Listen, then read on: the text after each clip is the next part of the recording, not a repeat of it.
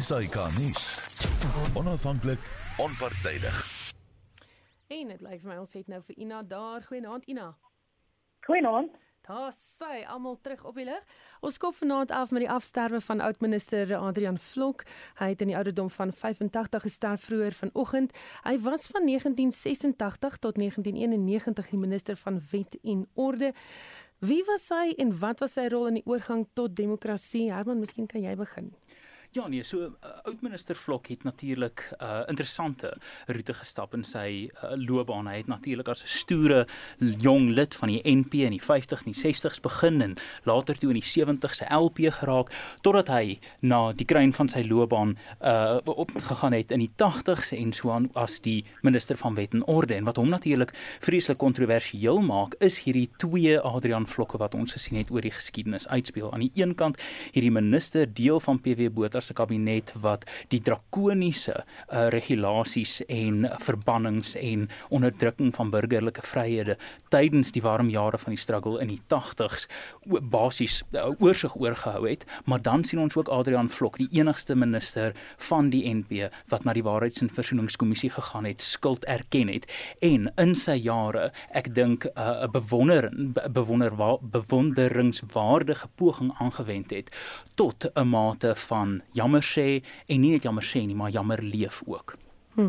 Ehm um, Ina sy nalatenskap, wat is dit? Ek uh, wel, dit is eintlik mooi. Ek ingesit reeds. Ehm um, sy nalatenskap is dit wat wat wat ons nou gehoor het. Ek dink wel dit is baie moeilik om die naam van Adrian Stok ehm um, nie vir ewig te assosieer met jy weet die wreedhede van apartheid nie. Die feit bly staan dat die impak van daardie regering en spesifiek Stok se daar steeds met ons is. Um, ek net vandag hierdie eh uh, Kwatisa Bandu sending se verbintenis met apartheid magte en spesifiek Stok se verbintenis weer uitgelig. En die tipe onderdrukkende en wrede aksies wat daar blykbaar steeds plaasvind en ook die verbintenis wat maatskappye soos Woolworths byvoorbeeld het met 'n uh, Kwatisa Bandu eh uh, deur die Aquile waterbottelaars wat deur die sendingmaatskappy besit word. En die invloed wat dit steeds het op wel ekonomie, op politiek en so voort. En dan sou ek dalk welkom as 'n baie gesiene man oor oor die jare van sy verbintenis daarin. En ons weet Kwatisa Bandu se leierskap en die leierskap en familie van ANC aktiviste gemonitor en het van die nasionale party en veiligheidsdak ehm um, intelligensie verskaf en ehm um, jy weet Adrian Sok het 'n baie groot bydrae gelewer daar ehm um, met sy monitering van ANC aktiviste in die verskillende ehm um, uh, jy weet ehm um, organisasies wat wat wat dit gedoen het. So hoewel hy definitief gevoel het hy jy weet uh, gesê het hy jammer en ek weet hy dit bedoel ook. Ehm um, is die die nalatenskap iets wat nog nie uh, totaal en al sou verdwyn. Christo Ek dink uh, die die lewe van ehm uh, Adrian Fok uh, getuig een van 'n uh, deelwees van 'n uh, regime wat mense op groot skaal onderdruk het, uh, apartheid regime. Maar ook iemand wat skuld erken het um, sy aandeel daarin. En as ons weer gaan kyk na die konsep van waarheid en versoening. Het dit nie net uh, uh, jy weet uh, geleef nie uh, maar hy het dit ook uh, prakties gedemonstreer. Uh, deur uh jy weet iemand uh, uh ja, ek dink daar was 'n seremonie uh van hom. Uh nou dit het nie baie goed afgegaan by 'n groot deel jy weet van van mense wat die apartheid beleid en apartheid regering gesteun het.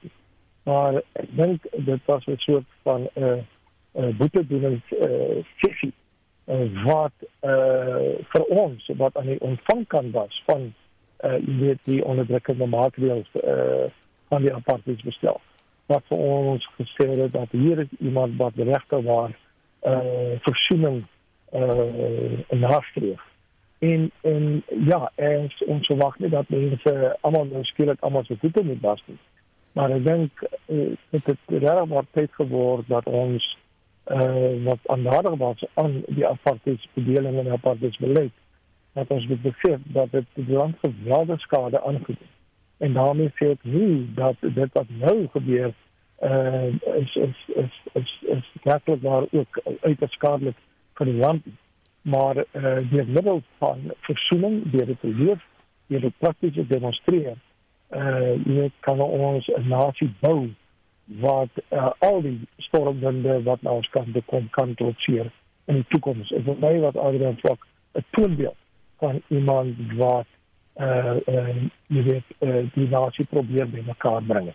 En ons uh, sou dit regtig waar moet uh baie baie uh, sterker met uitleef en met nastreef vir al 'n omgewing waar daar soveel polarisasie is en waar politici, sommige politici dit misbruik om uh, natuurlik uh, hulle hulle self hulle eie agendas te bevorder.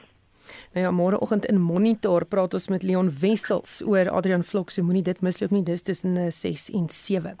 Die ANC se jaarlikse 8 Januarie beleidsverklaring is vandag gelewer. President Cyril Ramaphosa het die party se 6-punt plan bekend gemaak wat glo 'n aksieplan is om die land in 'n ander rigting te stuur. Hy sê die belangrikste punte is op die party se lys is nou om die party te vernuwe en om die kragkrisis reg te stel, iets wat hy ook uh, vorige keer al gesê het. Kom ons hoor gou wat hy vandag gesê het. Firstly, we will deepen the renewal of the African National Congress. Secondly, we will accelerate the work that is underway to end load shedding. Thirdly, we will mobilize social partners to increase employment and investment. Fourthly, we will improve the delivery of basic services and maintenance of infrastructure. Fifthly, we will strengthen the fight against crime and corruption. Finally, we will take action to build a better Africa and a better world. Ina, die 8 Januarie toespraak het die afgelope paar jaar baie meer belangrik geword want dit is 'n rigtingwyser oor hoe dit met die party gaan. Julle indrukke van hierdie toespraak vandag, Ina, ons begin sommer met jou. Ek moet eerlik sê, ek dink hierdie die hele byeenkoms is op het het het 'n nuttelose aksie geword vir 'n party wat ek dink binnekort dalk sy op dit op sy laaste bene staan. Ek dink die poging wat aangewend word is laaste poging en die planne wat die president hier uitgelig het vir die party is myns insiens uh, jy weet word verwarmer wat die regering moet doen. En dit was nog altyd 'n probleem vir my wanneer dit kom by hierdie uh, hierdie vieringe en hierdie hierdie byeenkomste elke jaar. En ek skei dit is seker maar met die president die twee rolle vervul as president van die land en en, en leier van die ANC. Jy weet die party moet eers na homself kyk intern en andersins voordat sulke 6-punt planne gemaak kan word waarmee hulle die land wil verbeter. So as jy nie kyk na die party self, die lede wat jy het, die persone wat jy ehm um, gaan ontplooi want dit is blykbaar uh, jy weet kaderontplooiing is nie iets wat hulle gaan van al weg beweeg nie. Ehm um, en persone in posisies uitkry wat die party daar geplaas het wat hulle skuldig maak aan wanbestuur, uh, jy weet, kriminaliteit, korrupsie en so voort. Dan gaan sy sespunt plan op niks uitloop nie. En ek sien met al die gepraat dat daar daar werklik aan hierdie aspekte aandag gegee word. Jy as party moet jy wen en jy moet die beste mense voorsit om die regering te vorm en die verskil op die verskillende vlakke. En as jy nie eers begin by die ANC self nie, gaan jy nie regkom nie. En ek dink die verrotting en die die die netwerke van van van korrupsie, dit is al baie oor gepraat het, is net te diep en ek dink nie daar's omdraai kans meer nie. En ek bly sê as jy enige resultate wil sien, kan jy nie net praat van nasionale beleid en so voort nie, moet onder begin. Kom met Mangaung. Kom maak net hierdie metro reg verwyder mense wat die dienslewering wat hy nou net van gepraat het belemmer. Probeer hier en kyk hier of jy 'n prototipe kan kan kan kan regkry. En daai moeilike besluite kan neem. Dat jy ten alle koste ehm um, jy weet die regte ding doen, die regte persone aanstel. Ja. Dit ons is 'n metro wat al jare onder administrasie is en steeds geen veranderinge sien. So dit is is leefwoorde in my opinie. Christo, jou indruk van die toespraak en wat het hy vergeet om te noem? Ek ek kom van die wetenskap af eh uh, te sien en ehm ons het 'n eh uh, baie lekker fisie wat ons droog maak. Ons doen 'n boek op. Nou uh jy weet jy kan nou 'n bokkom vol parfum uh uh sprei of wat ook al. Maar dit uh, uh dit dit lyk soos 'n bokkom en uh, dit eet soos 'n bokkom en dit gaan voortdurend ryk na 'n bokkom. Uh so, so dit is dit is maar my verstaan van uh, wat uh, gebeur of wat gebeur het die afgelope paar dae. Uh ek dink vir my gaan dit daar ek het een sleutelwoord wat dit op bekend word en daai woord ontpleeg. Dis die woord uh, verantwoordbaarheid. Ander woorde as 'n uh, 'n DG of 'n uh, staatsamptenaar of 'n minister op 'n bepaalde opdrag kry en hy of sy voer nie daai opdrag uit nie, dan moet daai persoon tot verantwoording geroep word. En solank daar 'n gebrekkige kultuur van verantwoordbaarheid is, uh binne regeringskringe, kan ons die beste planne maak, maar uh daarvan gaan dadels kom. Hm. Ehm um, ek sou graag wil sien jy weet dat dat uh die die die die regtelike aksie moet begin by die uitleef en die toepassing van daai sleutelwoord van verantwoordbaarheid en daarmee saam die aanstel van kundige mense. Mense moet aangestel word op meriete. En ons kan nie voortborduur op uh hierdie hierdie hele konsep van regstellende aksie. Uh dit rig geskikte skade aan. En ek kan nie sien hoe die planne wat met vooruitgestel word regtig waar enige lewensvatbaarheid as daai fundamentele kwessies nie aangespreek word. Herman, jou indruk van die toespraak en glo ons enigiets nog? Wel, ek dink daar is definitief dele wat mens kan glo van hierdie toespraak en ek dink die onderrok uh uh wys 'n bietjie wanneer mens kyk na die laaste aanhaling in die dokument in die Januarie 8 stelling uh haal hulle uh, die kommunistiese Duitse skrywer uh, Bertolt aan waar hy praat oor die lewenslange struggle wat moet voortduur. En daar kan mens natuurlik wanneer die ANC praat oor 'n ideologie moet ons hulle glo. Wanneer president Ramaphosa in 2019 Augustus in die parlement sê hy glo die staat moet in die hartjie posisie van die ekonomie staan moet ons hom glo wanneer hy sê hy uh uh, uh snou homself weer eens toe aan die lot van die nasionaal demokratiese revolusie moet ons hom glo. So daar's definitief dinge wat die ANC sê wat mense kan glo. Um maar dit is ek dink iets wat Suid-Afrikaners veral dalk Suid-Afrikaners in die in die hoë geleerdere van die sakewêreld moet aanvaar is dat Cyril Ramaphosa, die sakeman, die kapitalis, die pragmatis het nooit bestaan nie. Dit was wensdenkery, dit was projeksie op 'n ikoon wat so hol was self dat daar genoeg ruimte was om hope en ambisies op hom te projekteer en te dink hy gaan dit dalk vergestel. Maar kom ons wees heeltemal eerlik. Kom ons kyk wat werklik hier aan die gang is. Hulle het gesê ons moet op Eskom oplos, werkskepping oplos of werkskepping bevorder, dienslewering bevorder, korrupsie teenveg en tog in dieselfde dokument meer kaderontplooiing, meer swart ekonomiese magtiging, meer voorkry verkrygingsprosedures of preferential procurement. Dan praat hulle ook van daarsoos hierdie rasisme wat 'n enorme probleem is wat wie sy kop uitsteek, maar die data wys dit net eenvoudig nie. Meeste Suid-Afrikaners sien nie rasisme as een van die top 10 of 11 of 12 prioriteite nie en dit is nou al so in die ERR se data vir 15 jaar, maar tog is dit iets wat die ANC moet speel as 'n politieke kaart want dis alwaar hulle kapitaal oorbly. En dan moet ons eerlik wees oor die feit dat hierdie ons sien Cyril Ramaphosa voor ons oë aan flarde getrek word. Een die ideologiese rigting van die nasionaal demokratiese revolusie wat 'n toenemende kommunisties sosialistiese bestel nodig het. Twee, dan het mens ook Cyril Ramaphosa wat wil projekteer dat hy die pragmatis is, dat hy jy weet die die hernuwingskandidaat is uh en so aan maar dan ook die politieke werklikheid van die kiezer wat eenvoudig nie meer koop wat die ANC op hulle rakkie het nie. So ons sien hoe hierdie drie pole Cyril Ramaphosa in uit uitmekaar uittrek en vandag se Januarie 8 stelling is ek dink net swart op wit daarvan. Hm. Nou Jan Jan Jubber skryf vandag dat daar 'n tamheid te bespeer was in afgevaardigdes by die partykonferensie. Politieke waarnemers wat opmerk, ehm um, jy weet, dit wil nie voorkom of die mense meer vertroue het in die party om die land se probleme op te los nie. Ina? Daar's geen twyfel aan nie. En ek dink veral in hierdie streek waar elke jaar hier kom, uh, jy weet, hierdie uh, versieringe hou as jy wil daar was altyd 'n vreeslike opgewondenheid en dis meer 'n positiwiteit en dit het met die jare heen afgeneem en tot op 'n punt gekom ek dink hierdie naweek wat mense duidelik kan sien wat afgevaardigdes weet um, die helfte van die naweek die weet baie van hierdie um, geleenthede verwel geroep het soveel sodat daar nie genoeg was om van die besluite uh, jy weet dat hulle in die grondwet wil verander kon doen nie maar daar nie 'n uh, tweederde meerderheid was nie en dit is problematies. Um en ek dink as daar nie geweldige kommer is by die ANC leierskap wat dit aan moet tref dan verstaan hulle nie die geweldige uh, probleem wat wat hulle in die gesig staar. Herman, ek sien jy knik jou koppie oor.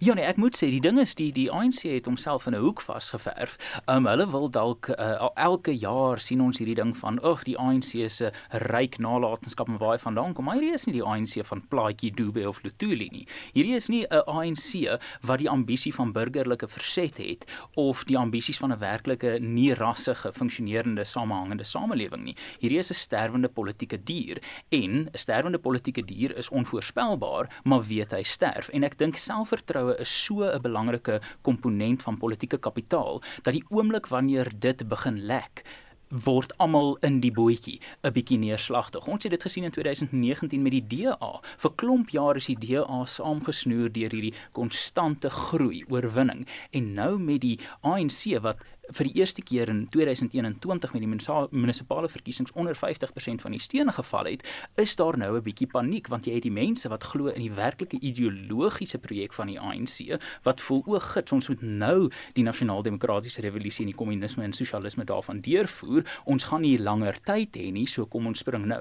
Maar dan het jy ook die ANC wat voel o, gits, ons het nie meer langer by hierdie buffettafel van die belastingbetalers se geld nie. Ons moet vinnig skep terwyl die restaurant restaurant nog oop is. So daar is 'n paniek, daar is 'n geskarrel en ek dink een van die ander onderwerpe waarna ons gaan kyk, die uh, vermeende poging op Andre de Ruyter se lewe, is spreek boekdele van die intensifisering van politieke kommer en die desperaatheid van die regerende party. Hm. Christo, hoe belangrik is dit dat Ramaphosa dit duidelik moet stel dat die ANC-lede wat werkers is in die ekonomiese kant moet bring in sy fokus en verwysing was na munisipaliteite hier? Ja, dit is een ding om van mense te verwag dat hulle afbreek. Dan nie opgetree word as ander eh uh, preventiewe aksies geneem word om mense te dwing om hulle werk te doen nie. As mense dit nie voel aan die pak nie. Ons uh, nie veel verandering sien nie. Uh, wat ek wil bekend doen is ook drie faksies binne die ANC. En kan dit natuurlik die Zuma die vier faksies kan jy 'n uh, aksie wat uh, ek noem dit sommer die mantel draai oor hulle draai hulle mantel na wind. En uh, ons het nou gesien dat uh, ek sien die journaliste of daar skrywers in koerante wat sê vir hulle se posisie verstewig. Natuurlik, gaan dit nie so verstewig word as hy deur die mantel draai op groot skaal ondersteun word. Hulle uh, het geen werklik waar belang by vir 'n poging belang het by homself. En dis die probleem waarmee ons sit binne in die ANC. Uh die toewyding wat daar veronderstel is om te wees om beter lewe vir almal te, te bring en om beter omstandighede vir die mense te skep om die ekonomie aan die gang te kry. Uh dit word versak in die proses uh uh dit word korrupsie op skaal gepleeg. Dit is ook op daarbye, maar dit is iets wat beweeg maar uh, jy weet mafia groepe soos die konstruksie mafia, die taxi mafia, uh, as ook uh, nou in die is daar ook mafia groepe uh, selfs op kamp en dan het 'n aanslag op een van die fisiese kantoore se lewens. Maar hier het probeer om te handel op die hulpbronne te kry en as jy dit kan regkry nie, dan jy dit in kodig uit. Uh, dit is 'n tipe van Colombia situasie uh, waar die mafia, jy weet, en en dan of dwelm kartelle goed in kort op die oorhand gekry en die hele stel laat ontplof. So as as dit nie aangespreek word nie, uh, sien ek dan dit gebeur. Ja. Lala gaan vir jou vra om vir Christie vir ons terug te bel. Sy lyn raak al swakker. Ek sukkel so 'n bietjie om te hoor. As jy kan bel met vir ons terug en dan kan ons verder gesels met hom ook maar intussen. Ehm um, ek wil teruggaan na iets waarna jy verwys het Ina. Um, onder meer het uh, Julius Malema ook daar getweet uit gesê eerste keer kon die ANC nie sy konstitusie wysig nie want daar was nie 'n 2/3 meerderheid nie. Wat is die implikasies hiervan? Wat 'n belangrike aspek uh, wat ek wil uitlig in die situasie is dat ehm um, daar's 'n wel vir sekere faksies sekere omstrede een lid een beleid uh, stem. Ehm um, wat sou poog om 'n interne in te stel waar die ANC lede direk vir leierskap op streek provinsiale nasionale vlak kan stem wat hulle nou nie kon deurvoer nie. Ehm um, hierdie aanpassing sou kon kyk dat die huidige stelsel wat jy weet konsensus stemming in blokke byvoorbeeld byvoorbeeld ehm um, bietjie erodeer. So dit dit dit dit, dit kon hulle nou nie bereik nie en ek dink dit sou dalk 'n bietjie makliker gemaak het vir iemand soos uh jy weet die die die ehm um, amptenare wat gekyk het na die kiesing, die verkiesing en moes kyk dat daar nie ongeruimthede plaasvind. Ehm um, dat tydens hulle konferensie. Ehm um, en dan het hulle besluite wat hulle nie regtig kon deurvoer nie. Ehm um, wat drie van dit wat hulle daarom kom doen is om die sewende party amptenaar ehm um, ehm um, te kon ehm um, jy weet uh, vasstel dat die posisie dan nou bly staan omdat dit 'n tweederde meerderheid uh, uh by die konferensie daarom al aanvaar is. Ehm um, en daar's 'n tesourier-generaal wat nou ander poste ook kan beklee en jy weet dis meer, maar uh, jy weet dit is in hierdie naweek se se se besluite wat hulle baie graag sou wou deurvoer wat hulle nie kon doen nie. En as mens kyk na die pogings wat hulle aanwend uh, of beloof hulle gaan aanwend om te kyk dat daar meer jy weet gekwalifiseerde mense op Marite aangestel word en dis meer dan gaan dit uh hierdie besluitnemingsbrieke as ek dit so kan stel um dinge vir hulle baie moeilik maak in in in die 5 jaar wat voorlê. Hm. Herman, wat gebeur as Ramaphosa besluit hy bedank? Wel ons sien nou peiling wat die ANC self op die op die lappe gebring het dat 20% van ANC kiesers uh, met ander woorde 'n vyfde van mense wat tans aandui dat hulle in 2024 ANC waarskynlik sal stem, sal die party verlaat. Nou dit is baie interessant want dit is 'n bevestiging van 'n peiling wat laas jaar gedoen is deur 'n onafhanklike entiteit, die Social Research Foundation, wat bevind het dat tussen 20 en 22% van ANC kiesers identifiseer Ramaphosa se leierskap en Ramaphosa self as 'n deurslaggewende komponent van hulle steun vir die ANC.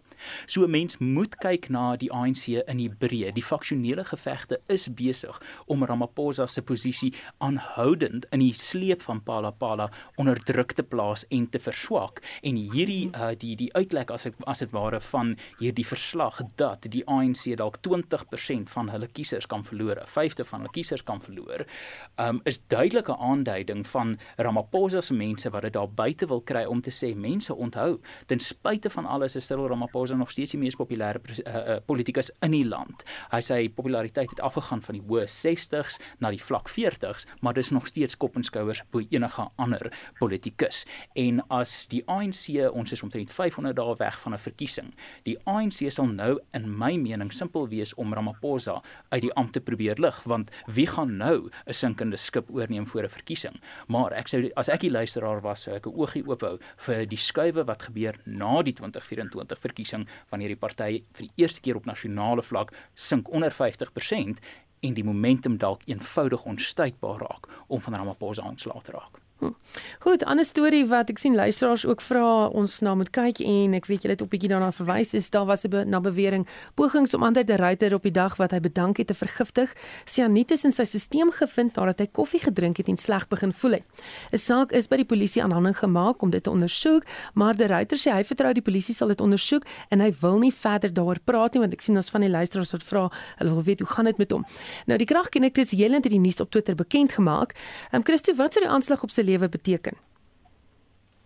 Wel, dit is alles deel van 'n poging om uh, beheer te kry oor Eskom uh, se hulpbronne. Uh, daar is nie net 'n aanslag op die ryterslewe nie, ek weet uh, Jan Oberholz het ook uh, dit 'n dreig oproep ontvang. Uh, daar uh, is ook 'n sabotasie wat plaasvind uh, en daar's allerlei uh, ander pogings om uh jy weet is kom uh te laat val. Uh, maar uh ons ons moet in in dan nou dit wat ek vroeër gesê het, dit wat betref tot is kom. Ons sien hierdie tendens uh feitelik uitspeel op vele terreine. Uh nie net binne die staatsdiensie, maar ook binne staatsondernemings. En die ander gevaar is dat dit begin oorspoel na die private sektor. Uh uh ek dink uh, sonder om 'n pause aan die president om kennis neem van dit daarvoor daadwerklike aksies geneem moet word uh daar moet 'n uh, jy weet 'n uh, polisie met 'n eenheid, 'n televisie eenheid uh, op die been bring om hierdie goeders op te plek sodat ons verstaan wie sit agter dit en uh want dit hou uh, ernstige implikasies in vir uh organisasies soos Eskom, soos Transnet, ander staatsondernemings ook vir die funksionering van verskillende staatsdepartemente. Uh dit dit vir my is is 'n baie baie goeie probleem. Wie moet oorneem hier, Ina?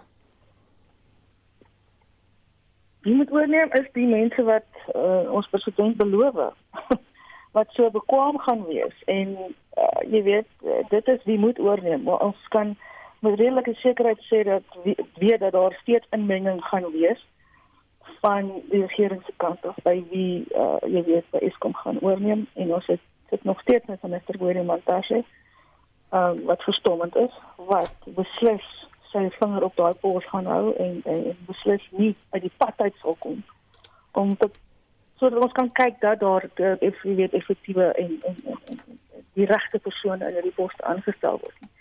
En dan is die probleem wie gaan wil na so 'n poging. Ehm um, jy weet ek ek wil nog nie daaroor praat om kommentaar lewe noodwendig nie want ons weet nog nie veel nie. Ehm um, weet ons wag nog vir toetsuitslae byvoorbeeld en aanduidingsondersoeke wie skuldig kan wees of of nie ehm um, en die ding is net voor hierdie poging wat die ruiter en en en ander persone is kom se families reeds gedreig was hulle reeds jy weet geterroriseer op 'n manier. Ehm um, so hierdie is 'n baie drastiese stap wat nou geneem is. En die breë punt is dat die inmenging wat deur die staatskaal van self vooraf toegelaat by staatsbeheerde organisasies het ruimte gelaat vir misdaad en ongeruimdhede op ongekende vlak. En nie wat hulle baie gevind, ek sal dit nie sommer laat gaan nie. En sal die wat hulle glo hulle pad staan op die manier begin aanval. En in die afwesigheid van effektiewe wetstoepassing en vervolging is hulle self verseker genoeg om te glo dat hulle sonder meer daarmee gaan wegkom. En in hierdie omstandighede gaan dit baie moeilik wees om mense te trek, die regte persoon om oor te neem en red wat te redde is. Goed, soos nou gelees vandag of ons lees nou van hierdie aanval. Ons hoor ook vandag van die aanslag op Fort Heer se fisiekanselier en uh, dan uh, dit voel vir my amper Arman of dit nou baie vuil politieke speletjies raak. Die ding is ek dink mense moet eerlik gaan kyk na die geskiedenis van die ANC veral sedert die 70s en besef dat um hierdie is op 'n manier in die DNA van van die party en dat hy nou van die uh, hoogspoelpunt van Bekkie se se ambisie om om 'n jy weet 'n tipe professionele politieke masjien te bou uit 'n bevryding bevry bevrying ag liberation movement.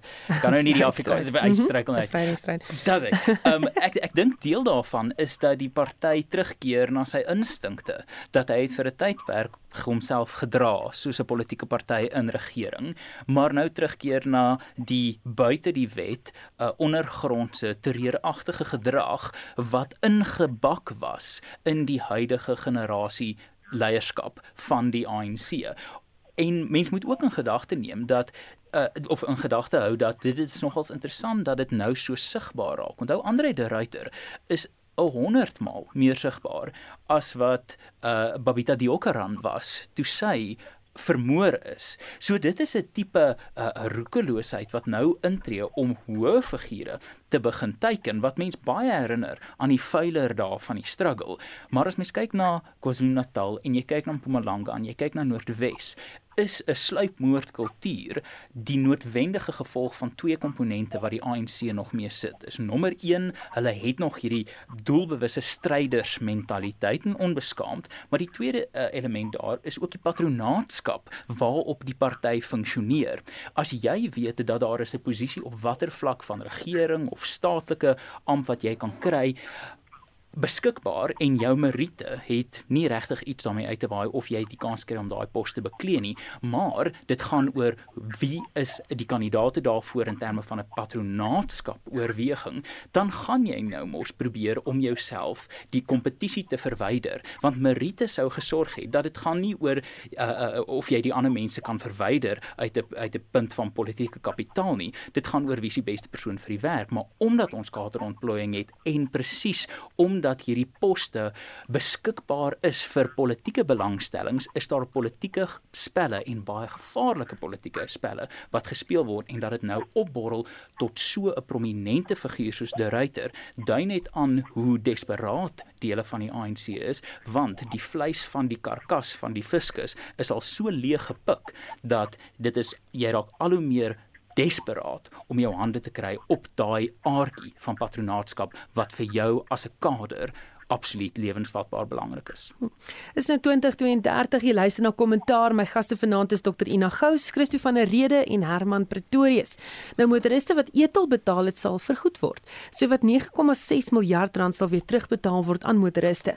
Maar die premier van Gauteng Panjasa Lesofie sê hy is onseker hoe dit gedoen gaan word. Hy hoop daar is meer duidelikheid voor hy sy provinsiale rede lewer. Outa waarskynlik intussen dat die stryd oor die kwessie nog lank nie verby is nie. Outa sê daar is te veel vrae oor onder meer die een oor hoekom Gauteng so groot bydrae moet maak. 12 12 miljard rand wat Gauteng gaan opdog so 30%. So wat gaan nou weer hier aan, Christo? Ons het uh, verantwoordelik vir die terugbetaling van daardie lening. So 'n paar jaar gelede het daar 'n lening uh, gestaan by om 20 miljard rand. Ek het vanoggend toevallig gelees uh, dat dit tussen sê nou 40 miljard rand toe vraag is uh, indien by 'n praat van 7 miljard rand betaal moet word. Uh die groot vraag is dan is vanraal by die vermoë dan om daai lening te doen. Uh en tweedens uh, waar gaan die geld vandaan kom? Ons weet dat die fiskus is nie in 'n posisie om enige groot kapitaal beskikbaar te stel nie. Daar is 'n onderneming aan Eskom. Ek is seker of uh die tesorie uh die voor is om enige uh, verstandig uit te help. Intussen uh, is ons baie infrastruktuur betrokke uh, en dit het 'n geweldige uh, negatiewe ekonomiese impak op uh, die vervoer van goedere en die effektiwiteit daarvan. Uh, zodat uh, ik stem samen met uh, uh, Atta, als je dat vraag wat beantwoord worden, uh, die grote vraag voor mij is, uh, wie gaan daar gaat voor? Uh, as Sandra nie by die vermoë is om dit te doen nie, uh uh beteken dit vir my dat die verbruiker gaan moet opdag daarvoor. Ehm uh, en uh tot hoe mate dit die verbruiker se sak gaan raak, uh, dit wil ek nog sien. Ek, ek vermoed hulle gaan dalk uh die lisensieringsfooie opstoot om om uh jy weet addisionele befondsing te bekom om Sandra ehm uh, by te staan. Herman, ek sien jy so op die punt van jou stoel hier hoor. Ja, nee, ek moet sê die ek, eersins moet mens noem dat uh, jy kan omtrent jou oorlosie stel om te weet dat jy 'n jaar weg van 'n verkiesing is as die ANC in Gauteng begin kla oor die etelstelsel wat hulle self geïmplementeer het. Wanneer jy hoor die ANC in Gauteng praat oor die etelstelsel, dan kan jy maar gaan, o my maggie, se verkiesing is om die draai. Dis die eerste punt is ons moet hierdie in die konteks sien van hierdie is al jaar en tot die einde mag van praat oor hierdie kwessie aanspreek. Maar kom ons kyk na die harde realiteit daarvan. Daar is 'n diskrete aantal opsies vir 'n regering om geld in die hande te kry. Jy kan belasting hef, jy kan geld leen, jy kan geld druk of jy kan beslag lê op bates. Nou die probleem is of jy kan die ekonomie laat groei. Uh en en deur 'n meer natuurlike gesonde uh, proses jou jou fiskus gesonder maak. Nou die probleem is die Suid-Afrikaanse belastingbetaler word basies gedruk tot hulle blou is. Uh en die die probleem is daai is nie 'n lewensvatbare opsie om hierdie miljarde in die hande te kry nie. Dan kan mens gaan wel is daar geld te leen iewers. Nou Suid-Afrika is is reeds uh uh jy weet 'n uh, absolute hyena op die internasionale leningsverhoog. So dit is nie 'n regte opsie nie. So dan is die vraag, waar gaan hierdie miljarde vandaan kom? Wel, daar is natuurlik die wetsontwerp van uh die uh, onteieningswetsontwerp wat tans nog vir die nasionale raad van provinsies lê wat elke uh, uh of wat die geleentheid sal gee vir klomp staatsentiteite insluitend munisipaliteite om uh grond en onroerende eiendom te uh, onteien sonder vergoeding. Maar dan is daar ook 'n storie wat mense oogie moet ophou en dit is so 2 dae gelede het daar weer eens dierevrein uit die ANC gekom dat hulle moet kyk na beheer van die Reserwebank en dit is waar mense kyk na beheer van die monetaire monetêre bron. Um en dit is natuurlik die risiko van hiperinflasie. So as mens kyk na miljarde en miljarde bedrae wat die staat verskuldig is of dit is dat hulle Eskom se skuld gaan oorneem of dat e-tol terugbetaal gaan word op 'n manier, moet mens vra watter van hierdie 5 definitiewe opsies is op die kaarte en ek dink dan kyk mense definitief na 'n poging om die Reserwebank oor te neem om beheer te neem van die monetêre beleid en die hulpbronraad beskikbaar met die risiko's daaraan verbonde en dan ook natuurlik die vermoë wat wetgewing nou besig is om te skep vir munisipaliteite en waarskynlik provinsiale regerings ook om beslag te kan lê op bates. Ina Ek moet eerlik sê na dit alles is my enigste bydrae ek dink nie Suid-Afrikaners gaan 'n sent sien nie. En ek dink as iemand dalk 'n paar rand gaan kry, sal dit seker my maatskappy en met vloot voertuie in die wees. Maar ek dink nie enige iemand met hulle asem ophou nie. Ag nee, ek het nou so uitgesien nou by die eksport. Goed, dis duidelik uit berigte en dis 'n volgende tema dat daar veel meer verkeerd geloop het met die ontploffing daar in Boksburg as slegs die persoon wat die tank wat daar in die eerste plek vasgery het. Vra word ons gevra hoekom dit die polisie en ander nooddienste 25 minute geneem het om op te daag op die toneel. Hoekom het mense in die eerste plek daar saamgedrom? Was dit soos dit gewoonte is van mense Suid-Afrika om so toneel te besteel soos gesien het op foto's van ander soortgelyke ongelukke? Nou is ons polisie nooddienste behoorlik opgelei om paraat of en paraat om sulke rampe te hanteer in die lig van die verval van die munisipaliteit onder wie se bestuur hulle val ina. Ehm um, daai aspek daarvan is is meer. en uh, jy weet uh, dit is ongelukkig self in um, jy weet Gauteng in area soos Boksburg uh, as mens kyk hoe vinnig ehm um, opgetree is, is dit is dit vinniger as in ander plekke, maar nog nie vinnig genoeg nie. Ehm um, dis die eerste aspek en uh, dit die op hulpbronne wat daar is vir hierdie nooddienste is net nooit genoeg nie. Ehm um, maar daar is diegene wat regtig met die die min wat hulle het hulle beste lewer en ek wil daarom 'n pleintjie gee vir vir vir vir dit persone wat hulle self van hierdie posisies bevind waar hulle moet reageer op ongelukke soos die en regtig hulle beste doen. Ek dink wel in hierdie spesifieke aspek is ek saam met die RFA die uh, jy weet die pad vrag vir enigins wat in die geheel 'n deeglike onafhanklike ondersoek um wil hê uh, iets wat uh, meer breed is. Uh, weet hulle weet die, hulle glo ook die oor voorval kon vermy gewees het en dat 'n onafhanklike en deeglike ondersoek gedoen moet word wat alle partye alle aspekte alle uh, jy weet um, gesamentlike as uh, uh, deelname insluit operateurs van die vervoerder, die ontvangers, die die die maatskappy wat die gas wat ontvang, die munisipaliteit self op disse pad die ehm ehm um, voorval plaasgevind het. En jy weet 'n basiese vraag wat byvoorbeeld gevra moet word is hoekom daai persoon op daai pad spesifiek was, op daai roete was. Was hy voorheen daar? Was dit dan nooit 'n probleem andersins nie? Ehm um, jy weet basiese goed wat 'n mens nog nie weet nie. En ek dink onder omstandighede het die nooddienste hulle beste gelewer en dit gaan nie net vir my oor Suid-Afrikaners se aksie van uh, saamdrom om 'n ongeluk nie. Ek meen daar is kinders dood in hulle eie erwe.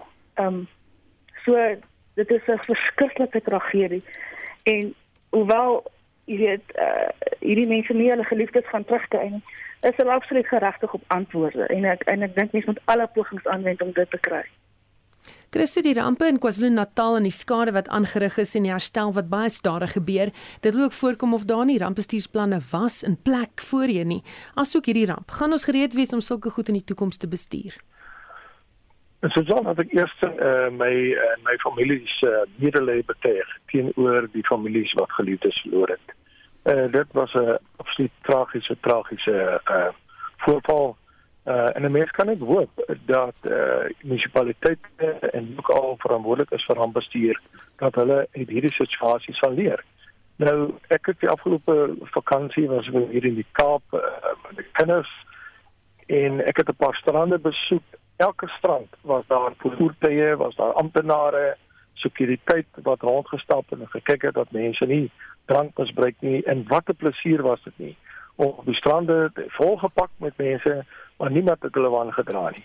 Uh ek het toevallig in 'n gebied gery waar dan baie hoë brandgevaar was of is en uh, daar jy ook trokke uh jy weet hierdie brandweer uh, waans wat met tanke vol water het gereed gestaan en enigiets sou plaasvind dan uh, is hulle daar om om om die brand uh, sommer vinnig te blus. Uh en dan ek dink in Weskaap is daar oral beheersentrums met uh, kameras met mense wat dit voltyds beman soos daar 'n ongeluk plaasvind of waar is 'n voorval. Ek weet hier in Tafelberg was daar twee gevalle waar mense uh jy weet in die berg uh omgewing verdwaal het of seer gekry het en hulle het onmiddellik opgetree en dan mense gered. Nou dit is 'n tipe van gereedheidsgrondslag waarop enige rampbestuursplan gebaseer moet wees. En dit is dit is hoogs georganiseer en eh die mense wat in beheer is van beheersentrums wat 'n polisie of 'n patrollievoertuig bestuur wat aan beheer is van 'n ambulans. Daai mense moet absoluut paraat wees oor die Desember vakansie, maar ook natuurlik naweke eh enige tyd van die dag of nag. Uh ek kan my nie uitlaat oor die gereedheidsgrondslag van uh die uh uh rampbestuurspanne in die omgewing waar daai voorval plaasgevind het. Ek dink daar moet 'n behoorlike ondersoek kom. Maar uh, mense hoop om dit net dat uh, mense sal leer uit hierdie voorvalle uit. Uh ons sien in KwaZulu-Natal ook uh verspoelings. Daar was nou weer uh, vloede gewees en die vraag is is daar die mense gereed om 'n uh, gemeenskap uh, te hulp te stel? die hartseer van KwaZulu-Natal uh, voorval is dat uh, daar sekere gebiede waar mense nou nog wag uh, dat daar herstelwerk moet plaasvind. Daar's families wat hulle alles verloor het. Hulle is nog nie uh, enigstens bygestaan nie. Ons sien riool wat in die see beland. Hier in die Kaap het uh, hulle onmiddellik die strande gesluit om seker dat die mense nie siek raak nie. So dis die uh, proaktiewe stappe wat geneem moet word. Ehm um, en en en indien uh, jy weet daar nie 'n behoorlike bestuursplan is en daar nie behoorlik aan uitvoering gegee word nie, uh, dan gaan jy toenemende gevalle sien waar mense hulle lewens verloor in die proses. Herman, ek moet sê dit is hierdie is so 'n tragiese insident. Ehm um, en ek wil ek wil Christus se se mededeling van uh, se medelee uh deel. Nou die kwessie hierdie hier, rampe is altyd natuurlik uitsonderlik moeilik om te hanteer vir enige vlak van regering. En mens kan nie tragiese insidente voorkom nie. Daar is eenvoudig nie, nie geen regering bevoeg genoeg om net eenvoudig eensklaps te besluit sulke insidente gebeur nie. Maar daar is klein veranderingkies, klein besluite wat op die periferie van hierdie tragedie nog steeds is. En dit is vrae soos wat is die toestand van ons padnetwerk in terme van uh, industriële vragte wat vervoer word? Want ons weet dat ons spoorwegnetwerk is so is in so benarde toestand dat trokvervoer al hoe meer gebruik moet word. Dit het 'n gevolg op die paaie se se struktuur, uh, strukturele integriteit op verkeer, op waar hierdie roetes lewensvatbaar is vir industriële vragte. So ek moet sê daar is 'n komponent waar mens voel dat hierdie insident mag dalk nie, jy weet, totaal al opgelos gewees het nie, maar as mens sorg dat industriële gevaarlike materiaal vervoer kan word op wyse waar dit verantwoordelik gedoen kan word en waar dit nie, jy weet, naby aan 'n hospitaal is nie, dan wil mens wonder of die regering nie maar kan dink my maggies daarsoos lewens op die spel wanneer ons besluite neem oor die toestande van ons netwerk en of Ekile en Balula in beheer van sulke belangrike kwessies moet wees nie. Maar dan is daar ook die voorbereidheid daarso is 'n 'n 'n doktorsgraad ehm um, gedoen aan die Universiteit van KwaZulu-Natal. Ek ongelukkig nou die outeur vergeet. In 2014 wat gekyk het na ramprisikogebiede in die areas in op die Natalse kus. En 70% van die areas wat in die onlangse vloede so swaar gekry het, is deur hierdie doktersgraad geïdentifiseer as hoë risiko plekke. Daai inligting was geborg deels deur die staat want alle PhD's by publieke universiteite word so geborg. So die staat het belê in kennis en in kundigheid oor die risiko van rampgebiede. Die feit dat daai inligting nooit werklik tot op 'n punt gekom het om te besef dat my maggies kom ons maak seker die hulpbronne is daar. Kom ons maak seker dat die mense daar bewus is van die bouregulasies of die risiko's vir grondskuivings en al daai tipe goeters. Rampe is nie on, is nie voorspelbaar nie, maar die waarskynlikhede is daar in die kennis van deskundiges daar buite. En mens kan dalk afsluit op 'n ek ek wil dalk my antwoord afsluit op 'n positiewe noot. Is dat um, ek het nou eendag op Facebook het ek 'n herinnering gekry van in einde 2016 waar ek um, in naby Mossel Bay vakansie gehou het waar daar om 'n lang storie kort te maak ek eerstehands ervaar het hoe ongelooflik toegewyd daai brandweer noodpersoneel was. Hulle het vir 2 dae sonder slaap aangehou om 'n brand op die rand van 'n residensiële gebied te stuit. En die laaste ding wat ek een van hulle hoor sê het was dank Vader ons het nie property verloor nie. So daar is 'n kundigheid en daar is 'n welwillendheid, maar dan moet die hulpbronne, die opleiding en die risiko-analise beskikbaar wees. Sal dit help vir so 'n geval soos Boksburg waarskynlik nie, maar dit kan definitief 'n verskil maak. Kom ons weer 'n bietjie na die buiteland. In Suid-Afrika is daar nou aangemeld dat die nuwe hoog aansteeklike COVID variant uh, hier gevind is.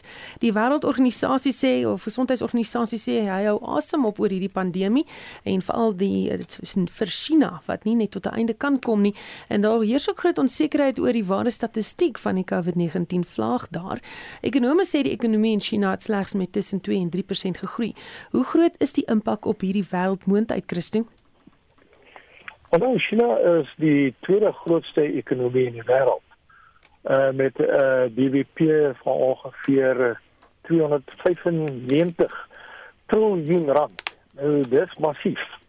Uh en uh indien daai uh ekonomie swaar trek, het dit natuurlik 'n oorspoel uh effek op uh alle ekonomieë. Uh Suid-Afrika uh, het redelike sterk handelsbande met China ons voer 'n hele klomp goed in en ons voer dit uit in die landbousektor uh, is een van die groot uitvoerders na China toe. En uh, maar maar ek dink wat belangrik is indien China se se havens byvoorbeeld tot stilstand knars uh het 'n geweldige impak op uh seevaart logistiek. Ons het dit verlede jaar ervaar en dit jaag die koste van verskillende geweldig op. Uh, neem byvoorbeeld 'n houer. Uh jy weet 'n houer was 2017 ongeveer 1000 rand en vir hierdie jaar het wie die tafeldrywe aan het gekla gesê nou is die koste van 'n houer is op na 160 170000 rand. Nou dit het 'n geweldige impak op die ekonomiese volhoubaarheid uh van 'n sektor soos die tafelbedryf byvoorbeeld. So ons ons houers vangers gekry, ons hoop dat uh, China die regte ding gedoen om uh, byvoorbeeld ehm uh, uh, jy weet die die beperkings te lig. Uh maar die groot gevaar is die respons van uh die handels van groot handelsvennote uh, soos Europa, soos uh Amerika en ander lande wat reeds handels of uh, reisbeperkings geplaas het op uh mense van China uit.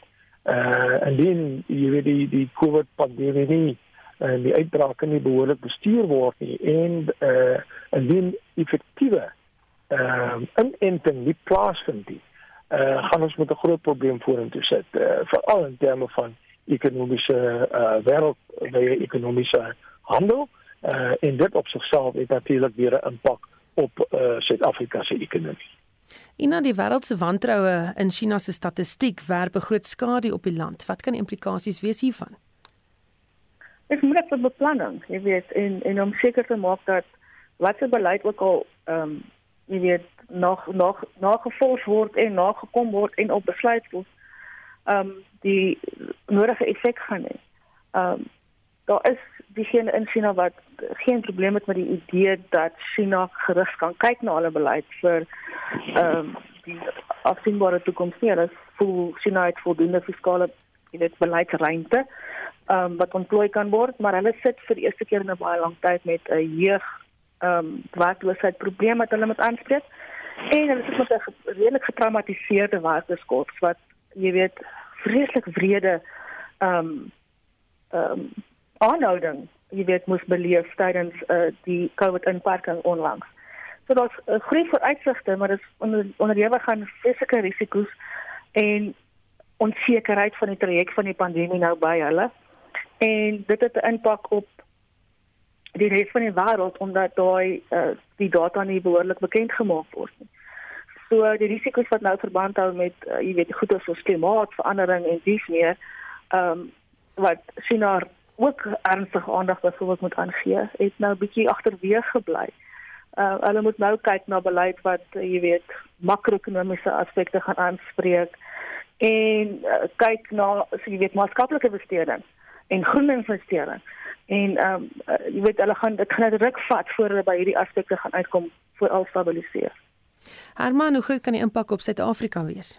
enorm. Ons sit in 'n situasie waar twee van ons grootste handelsvennote, die Europese Unie en China, tans uh voorsieningskettingsprobleme in die gesig staar vir uitvoere en invoere. So vir Suid-Afrika is dit hoogs riskant. Ons ons is ekonomies nogal gekoppel ehm um, deur doelbewuste ideologiese besluite oor die afgelope 10 jaar deur die ANC regering ehm um, aan uh, meer uh, uh, sinuhandel as Amerikaanse handel. So ehm um, dit is vir ons 'n groot risiko want ons het dit is 'n enorme uitvoer uh, mark vir ons.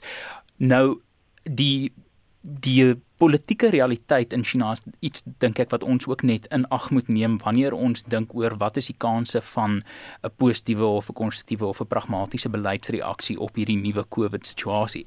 Ons moet verstaan dat in Chinese uh uh kulturele aanvaarding is daar hierdie drie uh, uh, dubbele komponent wat of of of gebeurlikheidsketting wat mag of dit nou 'n 'n monargie is en of dit nou die regering is van die CCP bedreig en dit is siekte, oorlog en natuurramp. Daar's in die Chinese kultuur is daar hierdie aan, aanvaarding, hierdie onder uh, toon, hierdie harmoniese soort van botone en ondertone van dat as siekte, oorlog en natuurrampe die land begin tref, is dit 'n aanduiding van die einde van 'n spesifieke magsbestel.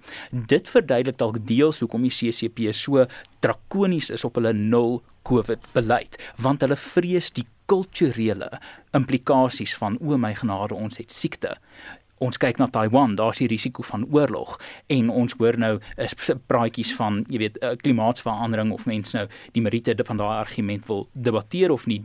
Jy sien die begin bestanddele van hierdie kulturele uh, 'n driedubbele uitklop hou vir 'n Chinese magskonsep uh, wat al duisende duisende jaar of honderde jare oud is in die Chinese uh, kultuurverstand. Dit verduidelik ook dalk hoekom ons sien dat Xi Jinping is nou die sterkste Chinese leier sedert Mao.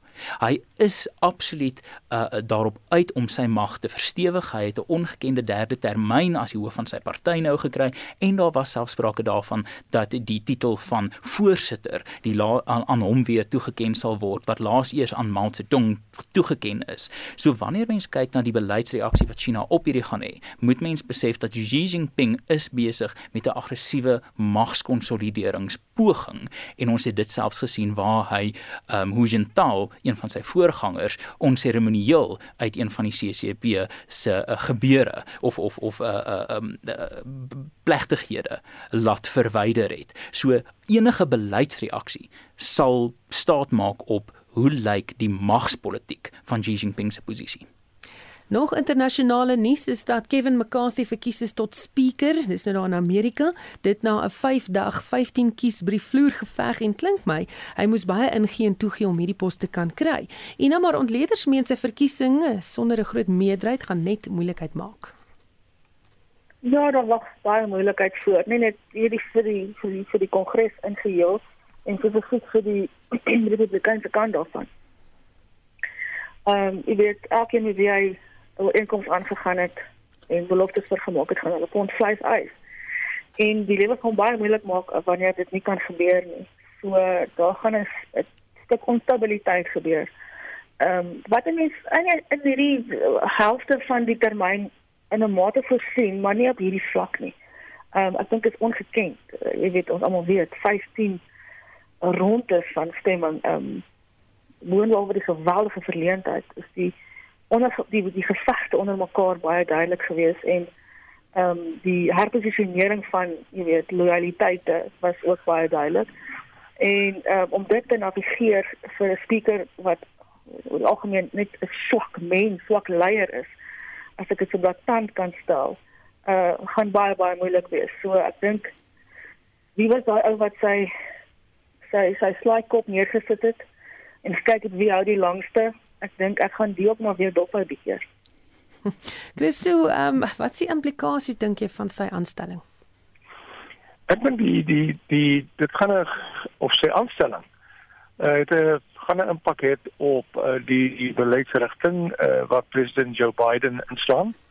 dit wel uit 'n baie sterk klem op uh, sosio-maatskaplike beleidsrigting goed soos mediese hulp, uh, ook sosiale sekuriteit en so voort.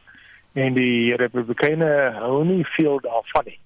Uh, hulle soek baie sterker fokus op uh, 'n stelsel wat ehm um, jy weet nie die ja, nou maar nie veel regeringshulp wees uh, vir vir sulke tipe van aksies nie uh, baie sterker klem op uh, belastingverligting vir die rykes en vir uh, daar moet hulp gaan vir die industrie sodat die ekonomie kan bou en so voort.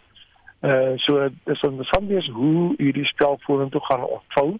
Uh ek hoop net dat hy nie uh jy weet ek, ek lees maar dat hy ook tamelike ingewings gemaak uh vir vir verregse groep groepe en uh, ons weet natuurlik waartoe hulle in staat is in Amerika uh en dat dit nie die sosiale kohesie uh, sal sal in enigstens sal ondermyn nie en verder polarisasie tussen die verskillende groeperinge en gemeenskappe in Amerika te wees sal bring nie. Herman, hoekom het hy so gesukkel? Want die Republikeine is 'n party wat nooit 'n geleentheid mis om 'n geleentheid te mis nie. Onthou, ons kyk na November laas jaar was dit veronderstel om 'n rooi golf te wees waar die Republikeine die Senaat en die Huis van Verteenwoordigers oorneem en ek dink mense kan dit skaars 'n rooi druppel noem. En deel hiervan was die Republikeinse party weet nie waarvoor hy staan nie. Is hy die party van jou George Bush, jou Mitt Romney, jou meer korporatiewe party wat 'n uh, vrye wat relatief liberaal is in terme van die vrye mark? Maar maatskaplik konservatief is of maatskaplik sentristies is of is hy meer 'n Donald Trump tipe aggressiewe uh, maatskappy die die sogenaamde kultuuroorlog wat hy wil voer en die die die belang van Amerika se identiteit wat bedreig word. Die Republikeine moet besluit wie hulle is. En ek dink Donald Trump is op hierdie stadium nie besig om sy party te help nie. Hy het in 2020 en nou in die onlangse tussen uh, tussentermyn verkiesings het hy nogal skade gebring aan die Republikeinse party en ek dink deel van hoekom McCarthy so gesukkel het is hy moet maak asof hy beide 'n tradisionele Republikein is en 'n Trump Republikein en daai bruggie dink ek nie het hy die 'n uh, politieke manoeuvreringsvermoë om regtig daai bruggie te bou nie. Nou ja, laaste woorde daar aan jou behoort, maar ek sien hier's 'n luisteraar wat ook 'n interessante uh, eh, SMS gestuur het wat sê wanneer die jakkals besorg raak oor die welstand van die hoenders, is dit verkiesingstyd, dit Fransja van Centurion. En dan uh, Christo Ina Versaghi wil weet hoekom op aarde is Christo van der Rede nie in die parlement nie? En jy kan vir ons dink oor al daai dinge volgende keer vra ek julle. Dis dan al wat vir ons tyd het die week. Volgende week maak ons weer so. My gaste vanaand was Dr. Ina Gous van die Departement Politieke Studies en Regeringskunde aan die Universiteit van die Vrystaat, Christo van der Rede, die bestuurshoof van Agri SA en Herman Pretorius, IWR se kommunikasiedirekteur. My klankingenieur is Laal Petersen en ek is Susan Paxton.